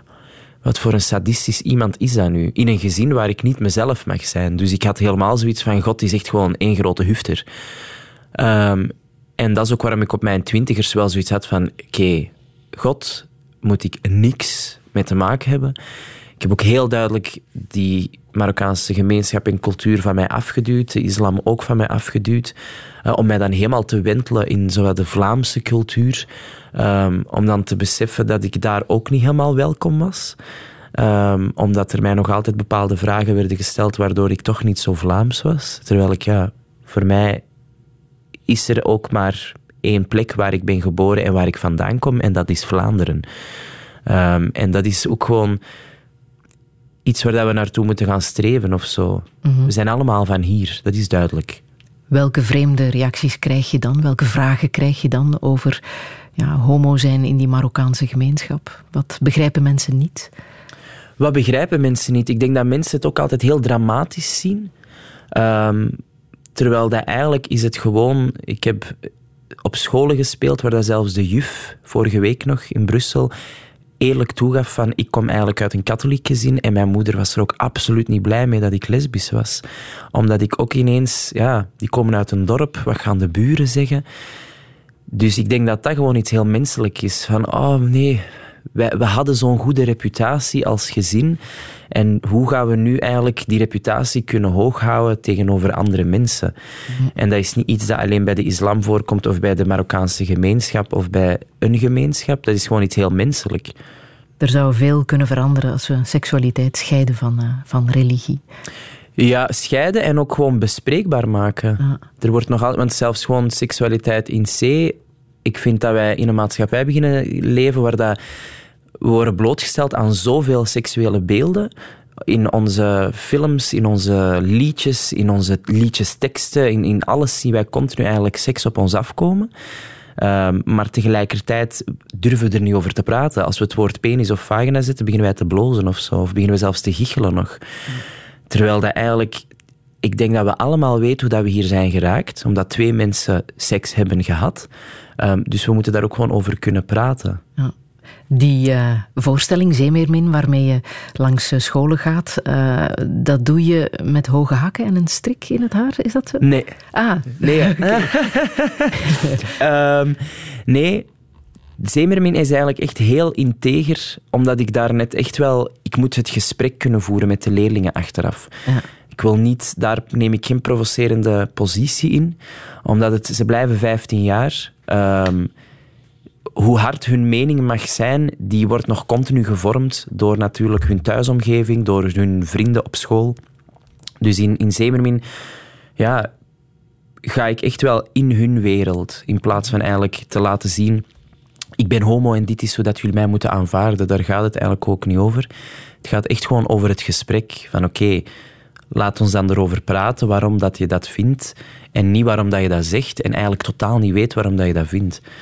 En wanneer doe je wel de hoge hakken aan en de strik in het haar? Uh, met Messias bijvoorbeeld doe ik eh, graag hoge hakken aan. Um, omdat ik dan gewoon beter zing ook. Beter sta. Ja, omdat mijn bekken dan kantelen. en dan ben je een betere muzikant. Een betere muzikant. En dan kan ik ook een beetje in een soort toch wel alter ego stappen. Waarin ik gewoon echt wel ja, het, het performergehalte naar boven haal. Ja, want wil je echt een Messias zijn? Want zo heet die muziekvoorstelling. Oh, ik denk dat wij allemaal op een of andere manier een Messias zijn. Um, en wil ik die zijn? Ja, maar dan echt puur ook van de liefde. Ik denk dat dat, dat is wat wij momenteel echt nodig hebben. We moeten echt gewoon... En begrip, begrip, begrip, begrip. Ik ben zelf ook iemand die zo stijl van dingen uit kan gaan en conclusies trekt, maar soms is dat zonde van een vriendschap of van gewoon een relatie, want begrip is echt gewoon alles.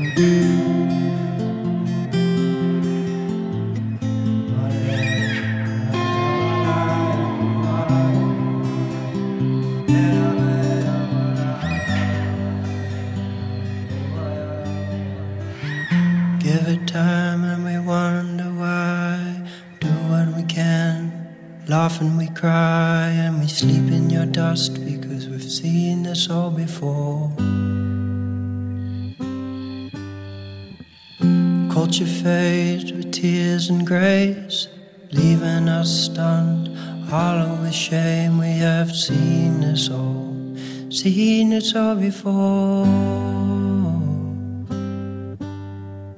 Many tribes of a modern kind doing brand new work, same spirit by side, joining hearts and hands in ancestral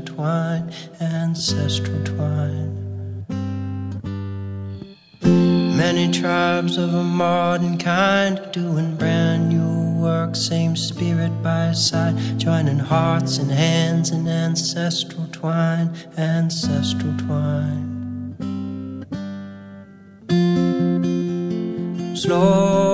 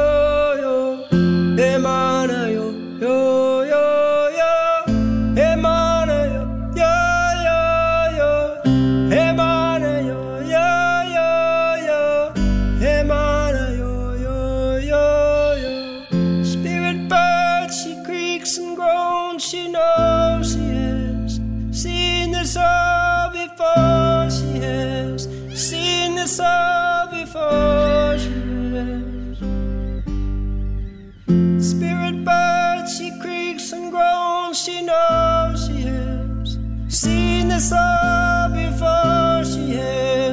She has all before. She. De Australische singer-songwriter Xavier Rudd. Hier met een eh, nummer dat hij heeft geschreven nadat hij een zeldzame kakatoe had gezien. Spirit Bird. Je hoort ook vogelgeluiden eh, mee in de opname eh, van dit nummer. Jawad Alul, welke betekenis heeft dit nummer voor jou? Voor mij is dit... Ik heb dit nummer heel veel opgezet omdat... ehm, om dingen te verwerken. Ik denk vooral het verlies van mijn moeder heb ik hier echt heel veel mee kunnen verwerken. Eh, omdat voor mij is dit nummer zo precies een, een cyclus die altijd inderdaad weerkeert. En zo zie ik mezelf soms. En ik probeer cyclussen te doorbreken. Eh, maar zo zie ik ook gewoon ons als mensen zo. Ehm, we blijven soms in het pijnlijke gewoon dingen herhalen. Ehm, en dat is soms gewoon echt jammer, want dat wil precies zeggen dat wij echt zo godverdomme koppig zijn, dat het ons precies niet interesseert of zo. Als je ziet naar het klimaat, als je ziet naar hoe dat nu gewoon, ja, rechtse partijen terug echt gewoon de bovenhand zijn aan het nemen, het is precies dat we niet willen leren. Het is precies dat we echt gewoon een, een rotverwend kind zijn als, als mensengemeenschap, die echt zoiets heeft van nee, we zijn, we zijn keigoed bezig. En we zijn goed bezig, maar tegelijkertijd zijn we ook gewoon echt in herhaling aan het vallen. En ik vind dat dat hier... Ik denk dat hem zegt, eh, we've seen this all before. Dat heb ik soms als ik naar het nieuws kijk, of dat heb ik soms dat ik terug dingen zie komen, dat er nog altijd... Weet je, ook tegen holibies nog altijd gewoon agressie is. Dat er vier jaar geleden in Luik een jongen vermoord is geweest omdat hij homo is. Dus de, de, dat is dat lied voor mij eigenlijk. Mm. Heb jij je eenzaam gevoeld? Maar verschrikkelijk. ja, absoluut. Ik lach om het, om het wat lichtiger te maken. Ja, absoluut. En ik denk het grootste... Het, het- de, de grootste eenzaamheid was toen ik eigenlijk terug naar huis ging. Na negen jaar, op mijn 29ste. Ehm, en ik eigenlijk ja, door heel veel mensen misbegrepen werd. Omdat heel veel mensen zoiets hadden van, maar je gaat toch niet terug naar je familie die je niet helemaal aanvaardt hoe jij bent. Ik zeg, maar daar draait het niet over. Het gaat niet over dat zij mij aanvaarden. Ik zeg, ik aanvaard mezelf niet. Weet je, ik, ik was zelf nog niet helemaal tevreden met mijn homoseksualiteit die mij gegeven was bij geboorte. Ehm, en dat was een heel eenzaam moment, omdat ik eigenlijk thuis waren ze mij terug aan het leren kennen. En mijn vrienden die ik jaren kende, hadden ook zoiets van oei, maar nu ga jij terug naar mensen waarin dat wij dachten dat jij gewoon afscheid van had genomen. Maar ik had zoiets van, maar ik kan geen afscheid nemen van die mensen, want dat is, dat is zo'n belangrijk onderdeel van mij. Dat zijn mijn wortels, dat zijn mijn herinneringen, dat, zijn mijn, dat is mijn taalgebruik, dat is mijn, mijn cultuur. Ehm, en daardoor heb ik echt wel mensen verloren in mijn leven ook. Omdat ik gewoon terug een deel van mijn identiteit ging ontdekken, mijn Marokkaanse identiteit, waardoor dat heel veel vrienden zoiets hadden van, ah, maar je bent zo veranderd. En dan denk ik, nee, het is gewoon... Het is negen jaar dat ik een hele groep mensen heb gezien en opeens komt er een heleboel terug op mij af. Een heleboel mooie dingen. Van, eigenlijk is er maar één klein aspect waarop we niet overeenkomen misschien, maar al de rest waar we wel op overeenkomen, brengt mij zoveel vreugde. Je hebt jezelf ook eh, fysiek eh, een en ander aangedaan, hè? Niet? Vertel. Ehm, je woog veel meer. Ah, ja, absoluut, absoluut. Ik heb mijn, mijn geaardheid in mijn puberteit heb ik echt weggegeten. Ehm, ik, heb, En hoe ver ging dat? ik heb 98 kilogram gewogen. Ehm, omdat ik gewoon... Ik zag mijn seksualiteit echt als een, een zonde. En, en zelfs de gedachte daarvan. Ehm, dus ik zag mezelf echt gewoon als slecht. Alles wat seksualiteit te maken had, was gewoon niet goed. En, en dat mocht niet. En je Ehm. studeerde voor bakker en daar stonden taartjes. Sadistisch, hè? Dat is verschrikkelijk. Waarom doet uw eigen zoiets aan? Ehm, ja, inderdaad. En dat was echt gewoon... Ik zeg het, ik was een leegte aan het vullen. Omdat ik, ik, ik, ik kon nergens dat kwijt. Ik kon nergens die gedachte kwijt van zeg maar, ik... ik je, soms komen er jongeren na de zeemermin naar mij en zeggen die van ja, ik vind eigenlijk meisjes leuk, maar er zijn ook sommige jongens die ik leuk vind. Mag dat? Ik zeg natuurlijk mag dat. Ik zeg, ik bedoel, alles mag eigenlijk. Ik zeg, als je daar niet, als je niet zonder vragen bij van spreken aan die persoon gaat beginnen komen, dan is dat iets helemaal anders. Maar ik bedoel, die gedachten zijn normaal. Die, dat, is, dat, is, allee, dat is het meest natuurlijke dat er bestaat. Het zou maar raar zijn dat we die gedachten niet hebben. We blijven in C, weet je, we hebben allemaal een seksualiteit in ons leven. Dat zijn gewoon ook eh, prikkels. Wat heb je gedaan om je terug goed in je vel te voelen? Want die overtollige kilo's, die zijn eraf, hè? Dat Die zijn eraf. Ja. absoluut. En die blijven eraf. Eh, ik, moet, ik ben blij dat ik eigenlijk de laatste vier jaar geen weegschaal meer heb aangeraakt. Omdat dat ook op den duur kan dat ook gevaarlijk worden natuurlijk. Nu weet ik gewoon dat ik op mijn eten moet letten, moet sporten, yoga moet doen. Ehm, en ik vind dat gewoon heel belangrijk, omdat mijn mama was ook gezetter. Ehm, en ik heb haar daar echt van zien afzien als zij de trap op moest gaan, als ze ehm, ja, gewoon boodschappen moest doen. En voor mezelf ook, ik, ik probeer een zo holistische mogelijke eh, levensstijl te onderhouden. En mijn lichaam is echt gewoon mijn tempel. Ehm, en soms zal ik wel eens uitschieten. Ik bedoel, als ik eens soms wil weggaan en ik zal eens een glas alcohol drinken eh, of andere zaken doen, dat zal zeker wel ooit nog gebeuren. Hoe ver ben je daarin gegaan? In drank en andere dingen? Ik heb vorig jaar met LSD en champignons geëxperimenteerd. En dat was Echt? ja, dat was fantastisch. Ja, dat was echt fantastisch. Ik heb echt in mijn leven nog nooit zoiets meegemaakt. Ja, dat was echt eh, een verrijking.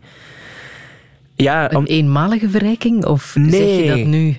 nee, omdat psychedelica is gewoon echt... ehm er bestaan documentaires over. Dat is echt gewoon een verrijking als mens om dat mee te maken. Want dat geeft u eigenlijk een onmiddellijke kennismaking met dat alles wat wij denken te weten, wat wij denken te weten dat de realiteit is, wordt gevormd door ons denken. Maar het is ook gevaarlijk hè, om te experimenteren met LSD en champignons. Ik weet niet of het gevaarlijk is. Ik denk dat het gevaarlijker is om, om continu daar een, een, een wolk van te doen van dat is drugs en dat is gevaarlijk. Dan ga je dat net aantrekkelijker maken. Ik denk dat wij daar rond echt wel veel soepeler konden, kunnen, kunnen ook weer communiceren. Dat is ook weer een taboe. Want wat weten we echt over drugs? We weten enkel gewoon dat er situaties gebeuren en mensen zijn die daarin uitschieten en zichzelf in verliezen. Dus we krijgen onmiddellijk zo een, een je kan verslaafd worden van drugs. Eh, en ik vind, als we dat dan voor drugs, dan moeten we dat ook gewoon doortrekken en naar alcohol doortrekken. Ik bedoel, ik kan als 14-jarig iemand gewoon een nachtwinkel binnenstappen en alcohol kopen. Alcohol is zo sociaal aanvaard en wordt gewoon bij de vleet gedronken. Ik bedoel, ik heb een buurman die gewoon wekelijks drie bierbakken gewoon in de gang heeft staan. En dan denk ik ook in mezelf van, laat ons daar ook eerlijk over zijn.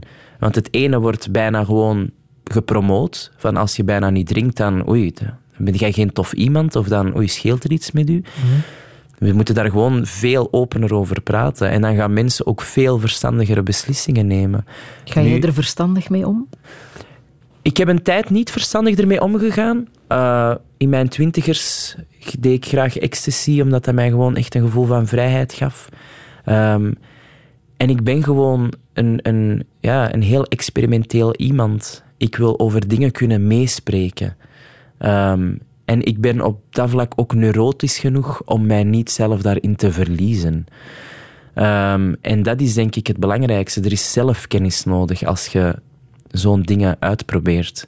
En ik denk dat veel mensen dat niet hebben en denken dat ze hun eigen gaan kunnen weerhouden van al die drugs. Eh, maar tegelijkertijd kan het ook een vlucht zijn natuurlijk. En voor je het weet zit je echt gewoon in een neerwaartse spiraal. En daar ben ik alle geluk eh, niet naartoe gegaan. Maar ik ben heel blij dat ik daarmee heb geëxperimenteerd. Want ja, dat heeft mij ook gewoon, vind ik persoonlijk, in mijn ervaring, mij een rijker iemand gemaakt. Want ik kan erover meespreken. Ik kan mensen er ook over adviseren. Mensen die soms veel te jong daaraan willen starten. Dat ik denk van, Welk maar- advies geef je dan? dat je echt twee keer moet nadenken. Ehm, want het willen en het aankunnen zijn twee verschillende dingen. Ehm, dat is ook gewoon het doen in veilige omstandigheden. Maar dat is ook heel, heel moeilijk natuurlijk, want als iets wordt illegaal gemaakt en als onze, onze burgervader in Antwerpen die daar een hele war on drugs van maakt, ik denk mij van, maar er is, helemaal geen, er is helemaal geen war on drugs, want als je weet dat de grootste afnemers van bepaalde drugs echt wel in bepaalde hogere klasses in onze maatschappij leven, dan denk ik dat er gewoon een beetje ook weer die, die hypocrisie moet gewoon ook een beetje wegvallen daar rond.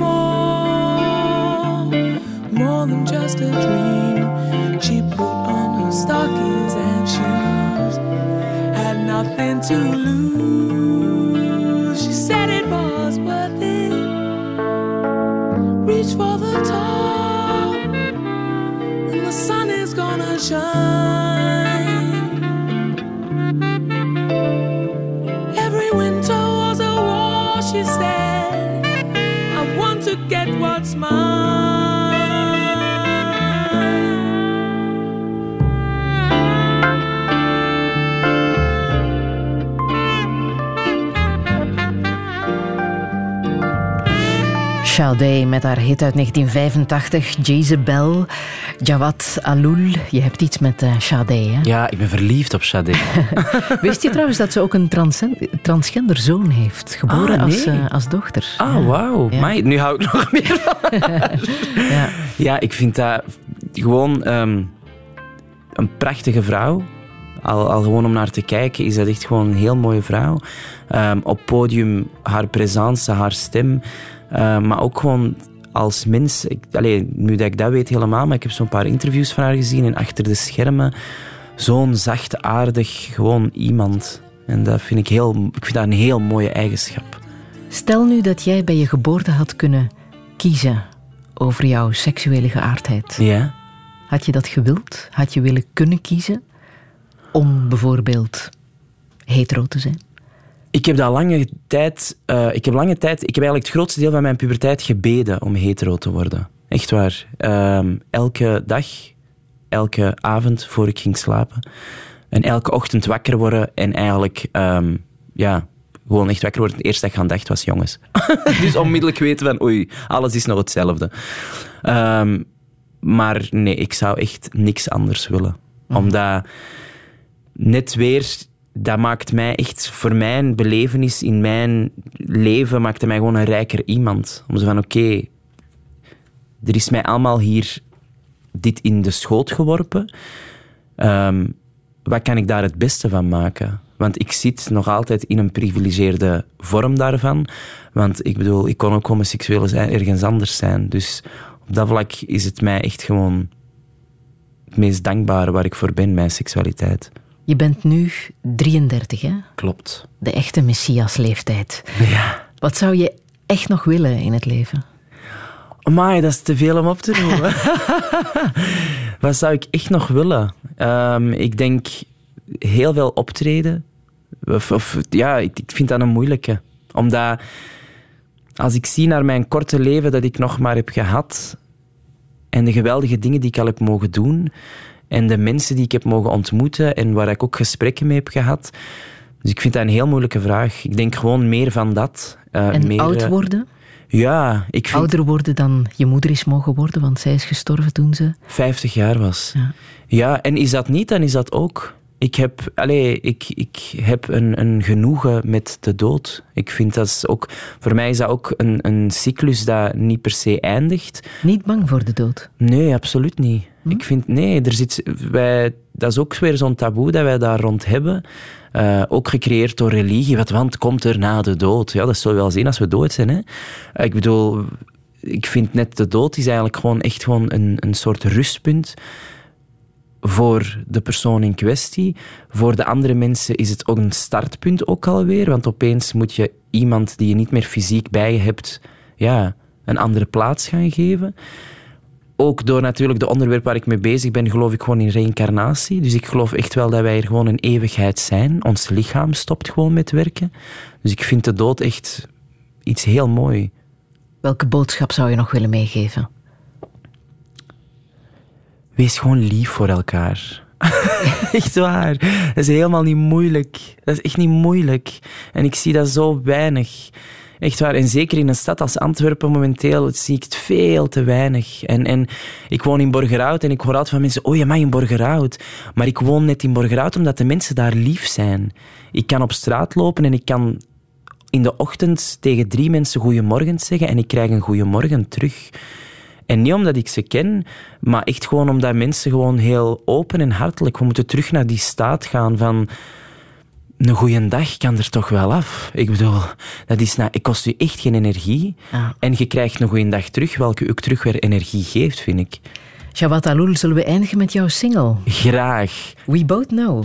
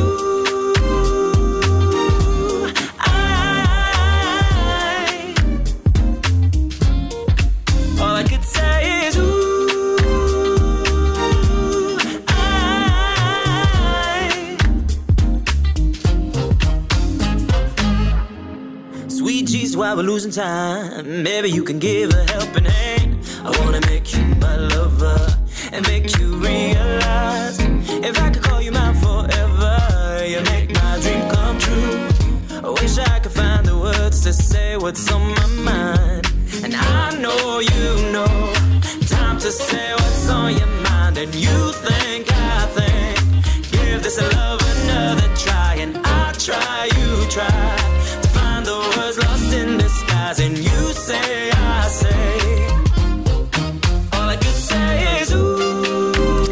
deze is eh, jouw single gelanceerd. We Both Know. Jawad uh, Aloul, dankjewel voor het fijne gesprek.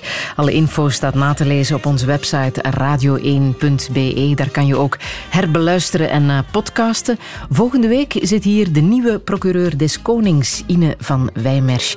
Ik wens je nog een heel fijne zondag. Ook voor jou, hè. Even uitblazen naar de Belgian Pride. Absoluut. Fijne zondag nog. Herbeluister Touché via de podcast, Radio 1-app en radio1.be. Touché.